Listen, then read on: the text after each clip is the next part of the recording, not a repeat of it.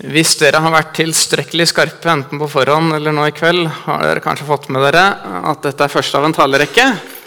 En talerekke om kjærlighet.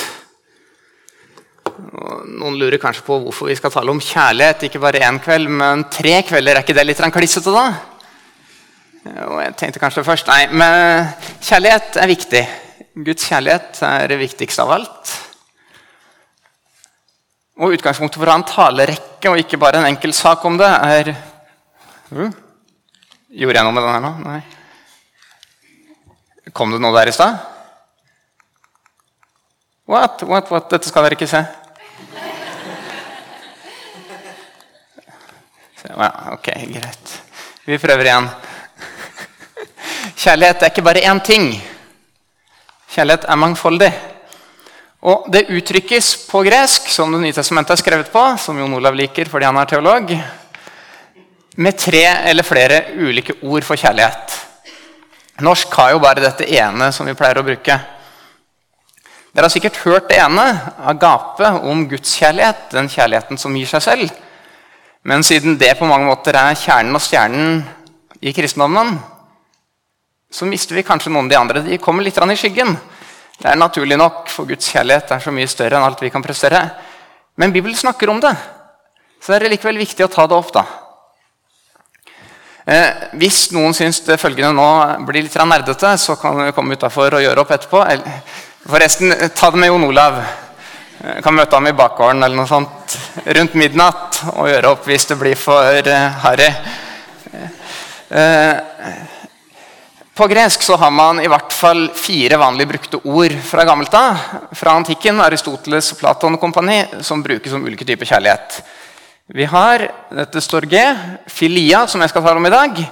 Vi har eros og agape. Det, eh, de tre siste er kanskje de mest brukte, og det er derfor vi tar utgangspunkt i de tre i dette her siste, denne tallrekken. Her får vi det på gresk også, for de som liker det kan dere se at det faktisk er noen som leser de greiene her. Og siden jeg vet at Jon Olav og dere andre teologer her slurker, slufser, så gå hjem og pugg. Kan du dette? Du kunne det! Hjem og pugg. Ja, nei, fysj, få det vekk, få det vekk. Altså, Jeg syntes det var så gøy. Jeg holdt på å drive Ingeborg til vanvidd med å gå rundt og pugge det her i stua oppe i Bergen. Her filiat, her filiant, her filiat, her filias osv. Det sitter ganske godt fremdeles. altså. Men altså, disse fire her betyr kort og godt For det første står G, det er hengivenheten. Familiekjærligheten. Kjærligheten mellom foreldre og barn.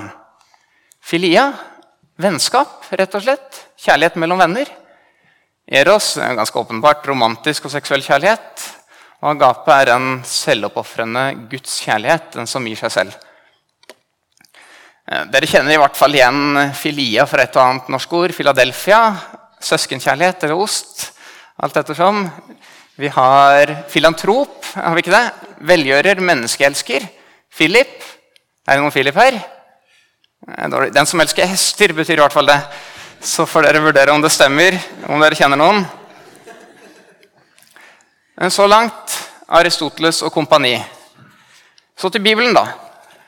Da spør vi jo naturlig nok, siden jeg er en kristen menighet og snakker ut fra Bibelen og greier, brukes disse ordene her om kjærlighet i Bibelen? Enkle svaret på det er jo nei, for det gjør det ikke. Eh, det som faktisk finnes, er agape, som brukes hvis det er snakk om substantivet kjærlighet. Eh, man har noen sammensetninger med storge og filia. Ikke så vanlig. Eros brukes rett og slett ikke og kuttes helt vekk. Eh, og så, hvis jeg snakker om å elske, verbet, så har man Fifi, de hører sammen. ikke sant? Fileo til filia og agape, agapao til agape. Eh, hvorfor snakke om alt det her da, når det knapt blir brukt? Eh, en godt spørsmål, egentlig. Og man kan jo tenke at ravla for både Jon Olav og meg. Og verre skal det bli! For de ordene her, når jeg brukte Bibelen, så betyr ikke de det jeg nettopp har sagt. Det her, det finner vi ikke. Hva er problemet? Hva er problemet? Å nei, den er for lang. Jeg har et veldig godt svar på det, hvorfor vi likevel skal snakke om det. Men kan noen spørre om det? Kan ikke noen spørre om det, hvorfor vi skal snakke om det her, da? Å, takk! Vet du hva, Vi skal snakke om det selv om ordene ikke fins. Fordi saken fins. Og saken er viktigere enn ordene. Men vi er nødt til å få det her ut av veien før vi starter.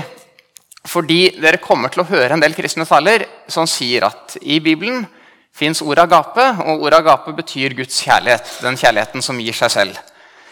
Eh, og hva er problemet med det, da? Lurer dere kanskje på. Problemet med det er at det er feil. Det er problemet med det. Eh, for selve ordet kan like gjerne brukes negativt. Altså, det brukes om kjærlighet til verden. Ja, ikke så bra. Kjærlighet til Gud, det er godt.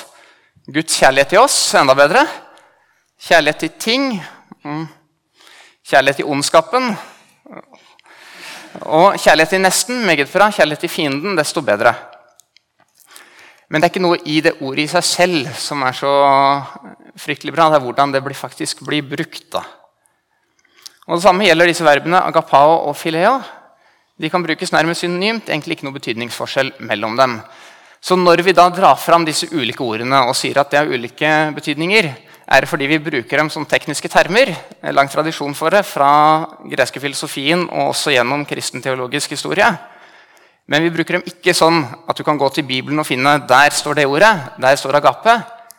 Derfor betyr det Guds kjærlighet. Skjønner dere forskjellen? Bare husk det. Hvis dere husker det, så kan dere arrestere mange talere som driver og prater feil om det her. Mm, men hvis dere husker på det, så kan dere faktisk få noe ut av det uten å være helt på vidne. Yes. Vi skal altså snakke om filia i kveld. Det vi kort og godt kan kalle vennskap. Og på mange måter er kanskje det den minst åpenbare av kjærlighetene for oss kristne. Altså Den naturlige familiekjærligheten kjenner vi. Gudskjærlighet vet vi jo så klart om. Det er en grunn til at vi går her. Og vi får liksom med oss sånn romantikk og folk som gifter seg og greier. Men vi tenker kanskje ikke over at også vennskap kan kalles kjærlighet. Med rette. Uansett hvor viktig det er for oss, så er det kanskje ikke en ting vi går rundt og tenker over så ofte. Og igjen da, Selv om vi i Bibelen ikke finner akkurat det ordet filia i seg selv, så finner vi saken. For Gud han har skapt alle disse typer kjærlighet. Han har gitt dem til oss som en gave for å berike det livet vi lever her på jorden. For mennesket er skapt til fellesskap. I første Mosebok 2 det er ikke godt for mennesket å være alene, sier Gud. Så skaper han en kvinne til mannen, sånn at de får et fellesskap. Det er sagt om ekteskap, ganske åpenbart, sånn som Adam og Eva. Men det er sagt like mye om vennskap. Det er ikke godt for mennesket å være alene. Og I Bibelen finner vi noen vakre, kjente eksempler på ekteskap. Eh, kanskje vakreste og mest kjente og mest utbroderte fortellingen det er den om David og Jonathan. Syns du? Kvalitet ja, ja. Jonathan og David de hadde et sånt nært og inderlig og rett og slett vakkert vennskap. Vi leser om at de slutta en vennskapspakt sammen. Og Jonathan beskytter David når Saul har tenkt å drepe ham. Og etter at uh, Jonathan dør, han blir drept i krigen, så tar David av seg sønnen hans Mefibosjet fordi han var så glad i Jonathan at han ville ta seg av slekta hans også. Og når vi leser om det her, du ser, De kaster seg rundt hverandre og gråter, kysser hverandre.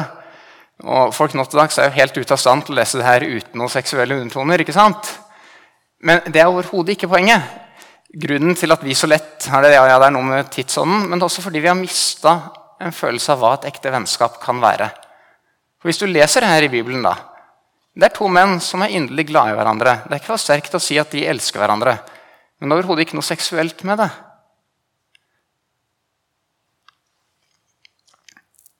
Og så har vi i Nytestamentet, og så vakkert nok, Jesus og disiplene hans. Han sier det rett ut. Jeg kaller dere venner. De er ikke bare tjenere, de er ikke bare noen som følger etter ham. De er hans venner. Og ikke nok med det. da. Jesus hadde de tolv, men han hadde også tre.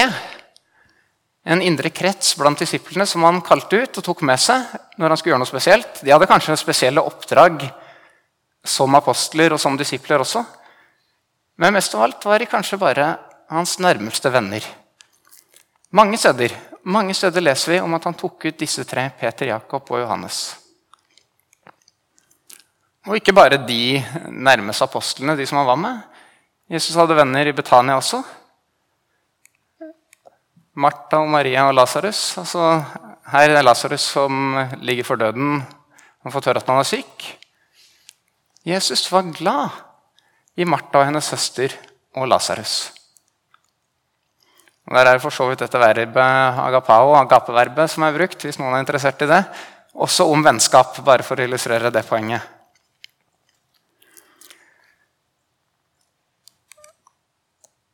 Men da, hva er så spesielt da med den kjærligheten som vi kaller vennskap? Vi ser den fins i Bibelen, men hva er det som skiller den fra en annen type kjærlighet?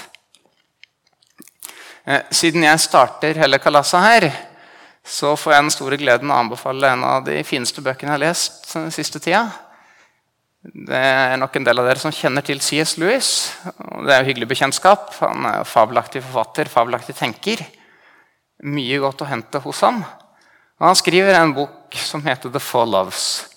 Ser sånn ut. Gitt ut til flotte, rett og slett en vakker bok også. Som passer til det som står i den. Eh, kjøp den, les den. Mye av det som kommer videre her, både fra meg og fra de neste salerne, kommer til å være henta herfra. Hvis dere er kjappe, så kan dere altså ligge forut for de neste. Ikke forut for meg, fordi jeg starter. og arrester Jon Olav når han sier noe som er feil.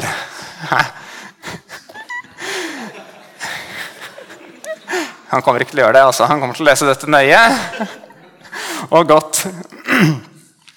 Men i hvert fall, han bruker disse fire som vi var innom. altså Hengivenhet, familien, vennskap, eros og agape.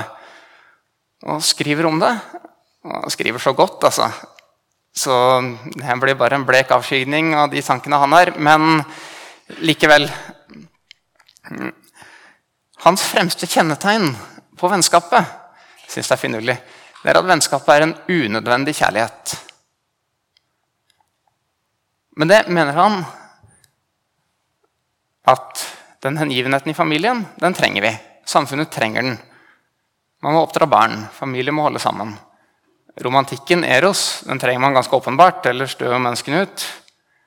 Guds kjærlighet er grunnen til at vi er til i utgangspunktet, så den ligger på en måte på bånn. Men det er ingen samfunn som går i oppløsning bare fordi det ikke er vennskap. Hvis folk går til jobbene sine og ellers har det greit nok, så går det på en måte rundt. Men vennskapet er på den måten noe ekstra. Noe av de tingene som gjør livet til noe man lever, og ikke bare å overleve og komme seg gjennom dag til dag. Men en de gavene som velsigner oss. Og vennskapet det springer ut av noe mer generelt. Rett og slett den generelle omgangen.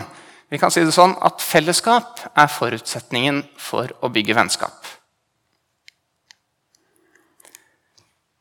Hvis du først er i en gruppe, så har du på en måte byggesteinene der. Men det trengs noe mer. Vi vet vel alle forskjellen på bare å sitte i en gruppe og være sosial, på en eller annen måte, men ikke høre hjemme der ordentlig. Eller bare være blant kolleger som greier nok uten at du har noe virkelig tilknytning til dem.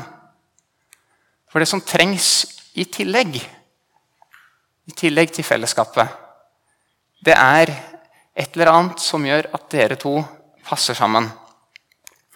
Og her, Louis sier det ganske vakkert. Altså. Han stiller spørsmålet Ser du samme sannhet som jeg? Ser du samme sannhet som jeg?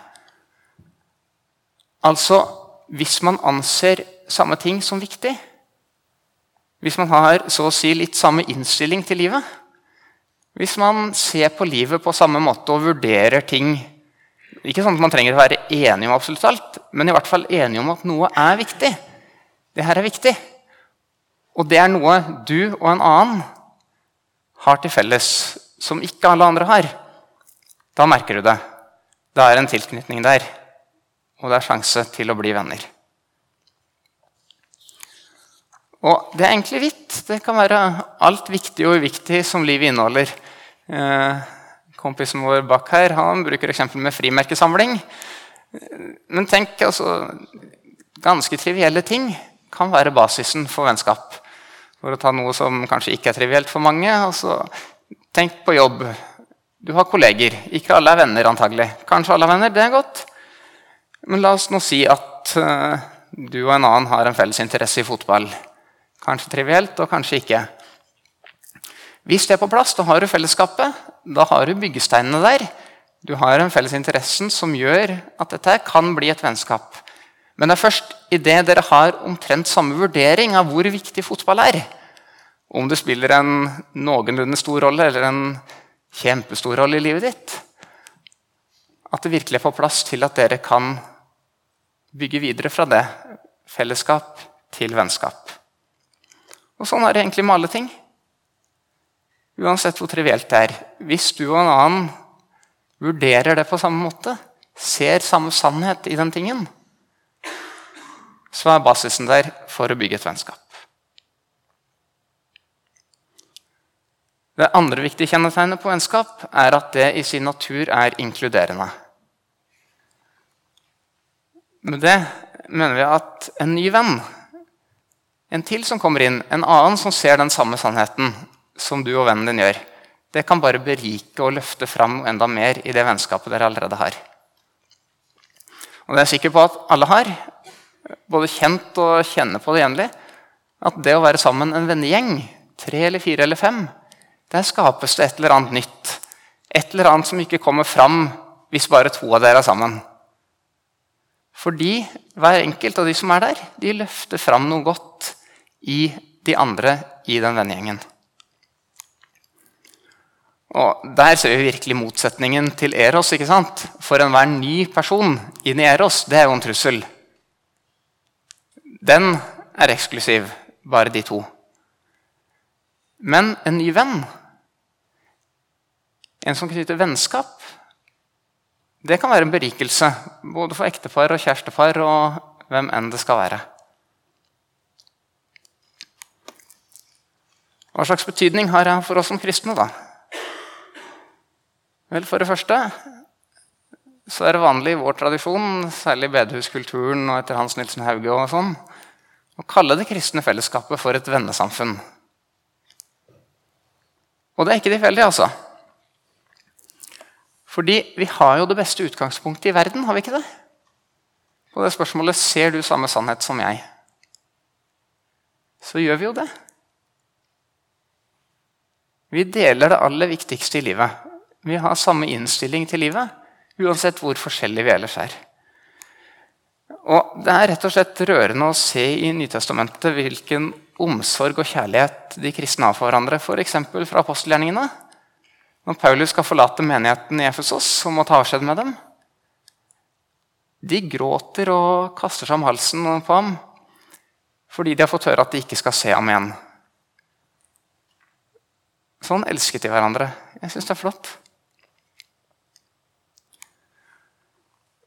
Det at vi deler det viktigste, det vil jo åpenbart ikke si at alle kristne danner naturlig nære vennskap. Vi er jo forskjellige folk her også. Åh, hvilken glede. Eh, det er jo ikke sånn at vi legger fra oss alle forskjeller i det vi blir kristne. Men det er en byggestein der. Det er en byggestein der. Og bare gjennom det å dele troen så er vi noe mer enn bare bekjente. er vi ikke det? For vi er knyttet sammen av åndens sterke bånd.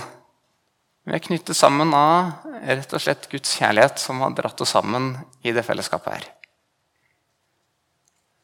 Og Derfor tror jeg også at vi som kristne har et særegent utgangspunkt for å danne nære og gode vennskap.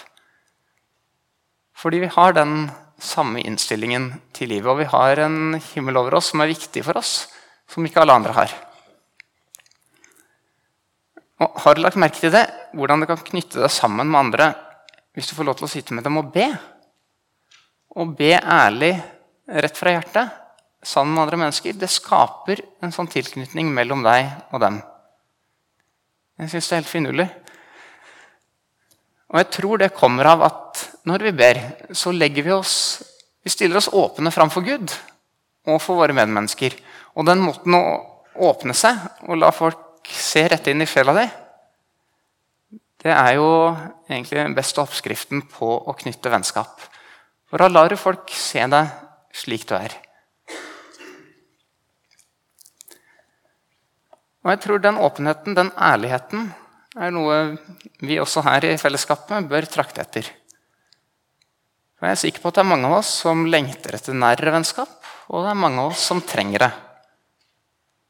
Det er sikkert mange av dere som vet om noen som trenger et sånt vennskap for å komme seg gjennom livet. For mennesket er skapt i fellesskap.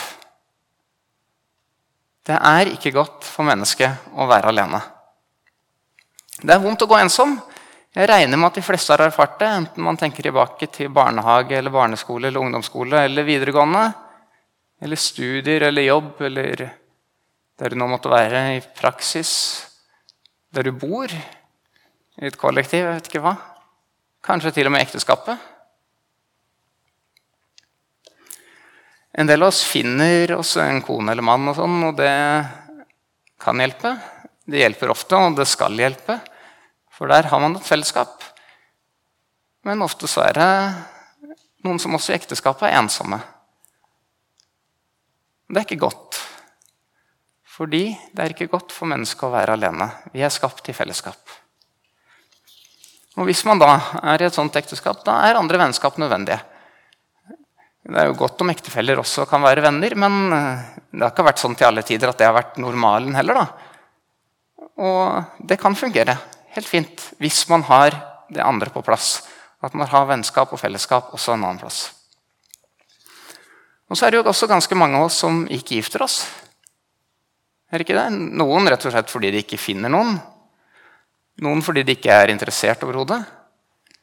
Det er en del homofile som ønsker å leve til Bibelens seksualetikk og derfor ikke går inn i noe forhold. Og så er det noen som har et spesielt kall, enten i jobb eller i Guds rike, som gjør at de ikke kan gifte seg. Mm.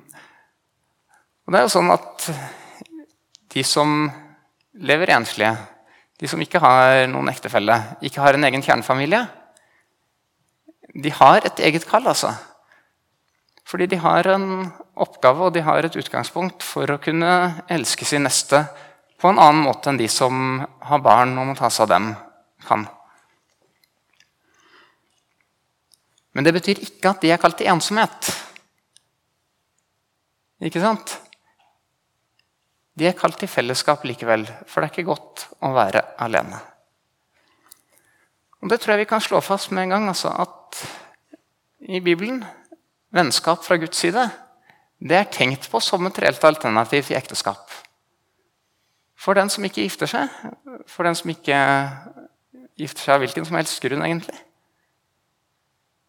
Den har en mulighet til å finne det fellesskapet i venner. Og bør også finne det fellesskapet gjennom venner. Hvis man da skal leve et godt og rikt liv for da trenger vi det å være sammen med andre.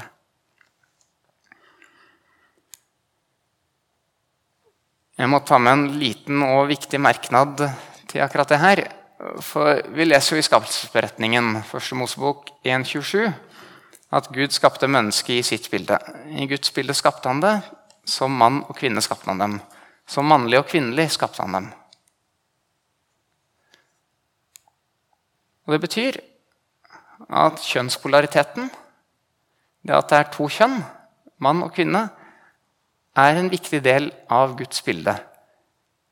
Det er noe der som vi ikke ser noe annet sted. ikke sant? Og Det er fremdeles det sterkeste argumentet for oss som vil holde fast på at ekteskapet er ment for mann og kvinne. Det er at Der ser man noe av Guds bilde som man ikke kan finne noe annet sted. For mennesket er skapt som to kjønn. Men det her at vi vil holde fast på det, det må ikke utlegges på en sånn måte at ugifte på en eller annen måte har mindre del av Guds bilde enn gifte. Skjønner dere poenget mitt? For det er ikke sånn at et enkelt ektepar har mer av Guds bilde i seg selv enn et enkelt menneske. Det er ikke det som er poenget. Poenget er at kjønnspolariteten som fenomen og ekteskapet som institusjon det peker på dette gudsbildet som ikke den enkelte kan ha. Og Greit nok at vi i ekteskapet når det kommer sammen, ser noe av det her som vi ikke ser noe annet sted. Men det er fordi det enkelte ekteskap låner det her av det store fenomenet. Skjønner dere hvor jeg vil hen?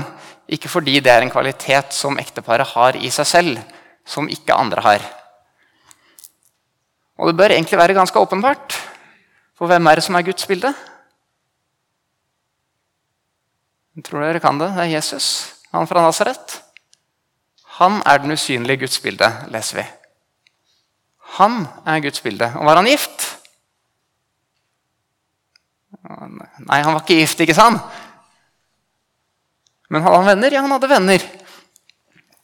Og han som fullt ut er Guds bilde, jeg tror han var det dels gjennom de vennskapene han knytta. Fordi Der uttrykker han noe av det fellesskapet som både Gud søker, og som vi mennesker er skapt til. Så vi må jo konkludere med da, at vennskap det er godt. Vennskap er en god ting. Det er en Guds gave. Men så er det ikke bare godt heller. For selv om det etter sin natur er inkluderende, så er det samtidig også ekskluderende. For når vennskap skapes, så gjøres jo det gjennom at du og en annen finner noe dere har felles, til forskjell fra resten av gruppen. Dere skaper noe sammen som ikke de andre har. Og Det er ikke noe gærent i det. Det er sånn det er.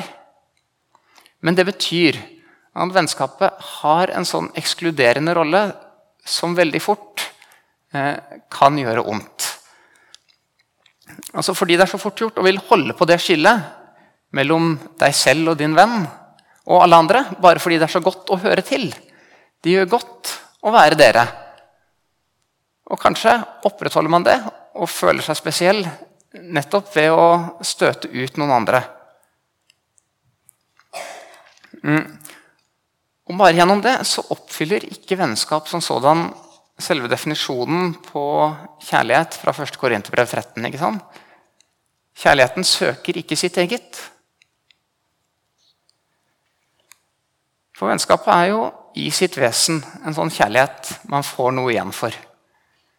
Altså, det, vil si, det er en dårlig kjærlighet hvis den ikke er trofast og støtter vennen også når det går tungt og trått og han trenger det. Men du er ikke venn med noen bare fordi eh, han trenger det. Du er venn med noen fordi du også får noe igjen selv. ikke sant? Det skapes noe mellom dere som dere begge nyter godt av. Og Derfor søker vennskapet så å si sitt eget. Og det er ikke noe galt i det, for det er det som er tenkt med det. Det er sånn Gud har skapt det. Men derfor er det også noe annet enn kjærligheten som Gud kommer med. Det er noe annet enn Guds kjærlighet. Det er noe annet enn den kjærligheten som er kjærligheten selv. Så kort sagt Den filia-kjærligheten som vi snakker om nå, den er god. Men den kan ikke få styre seg selv. Du kan ikke slippe den helt løs, så å si. Og det her er helt avgjørende for Louis at all naturlig kjærlighet, som ikke er Guds kjærlighet, den kan komme til å gjøre vondt. Og Derfor må også den vennskapelige kjærligheten som vi lever i, renses og gjøres perfekt av den guddommelige kjærligheten. Og jeg tenker Det er viktig i menigheten her. For Det er helt naturlig at vi ikke alle er like nære venner. Så klart. Vi er forskjellige igjen. Helt naturlig at man ikke elsker alle mennesker på akkurat samme måte. Men vi kan ikke la det gjøre at noen blir holdt utenfor. Og Kanskje betyr det at vi i lys av den kristne kjærligheten er nødt til å fornekte noen av vennskapene. Altså Nekte for at det skal bli en sånn mur som stenger andre ute. Og heller aktivt, selv om det reduserer kvaliteten av den tida du og vennen din har sammen, inkludere noen andre som trenger det. Og Så får vi da kanskje, hvis vi er heldige, se at også de kan bli en venn når vi får se hvem de virkelig er.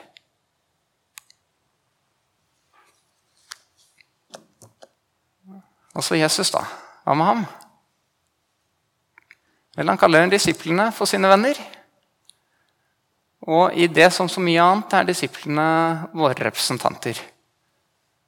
Jesus kaller også oss sine venner.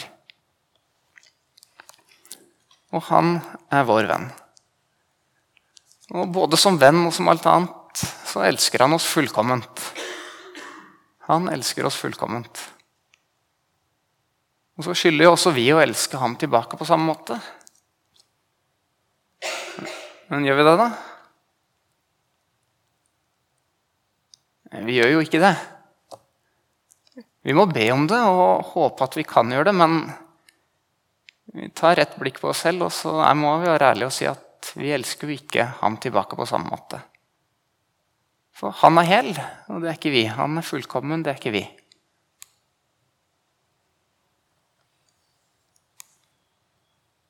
Men så er det så godt da, at om den kjærligheten ikke strekker til Om kjærligheten bare kan si eh, med Peter nærmest at 'jeg er glad i deg, Jesus', ikke 'jeg elsker deg, Jesus', så er det nok. Og om den kjærligheten ikke er sterkere enn at den kan si 'Jeg trenger deg, Jesus'.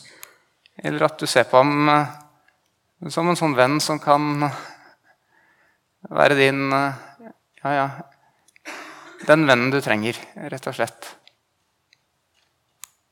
Om det er all kjærlighet du har til Jesus, så er det nok. Ja, for dette er kjærligheten, ikke at vi har elsket Gud, men at han har elsket oss og sendt sin sønn til soning for våre synder.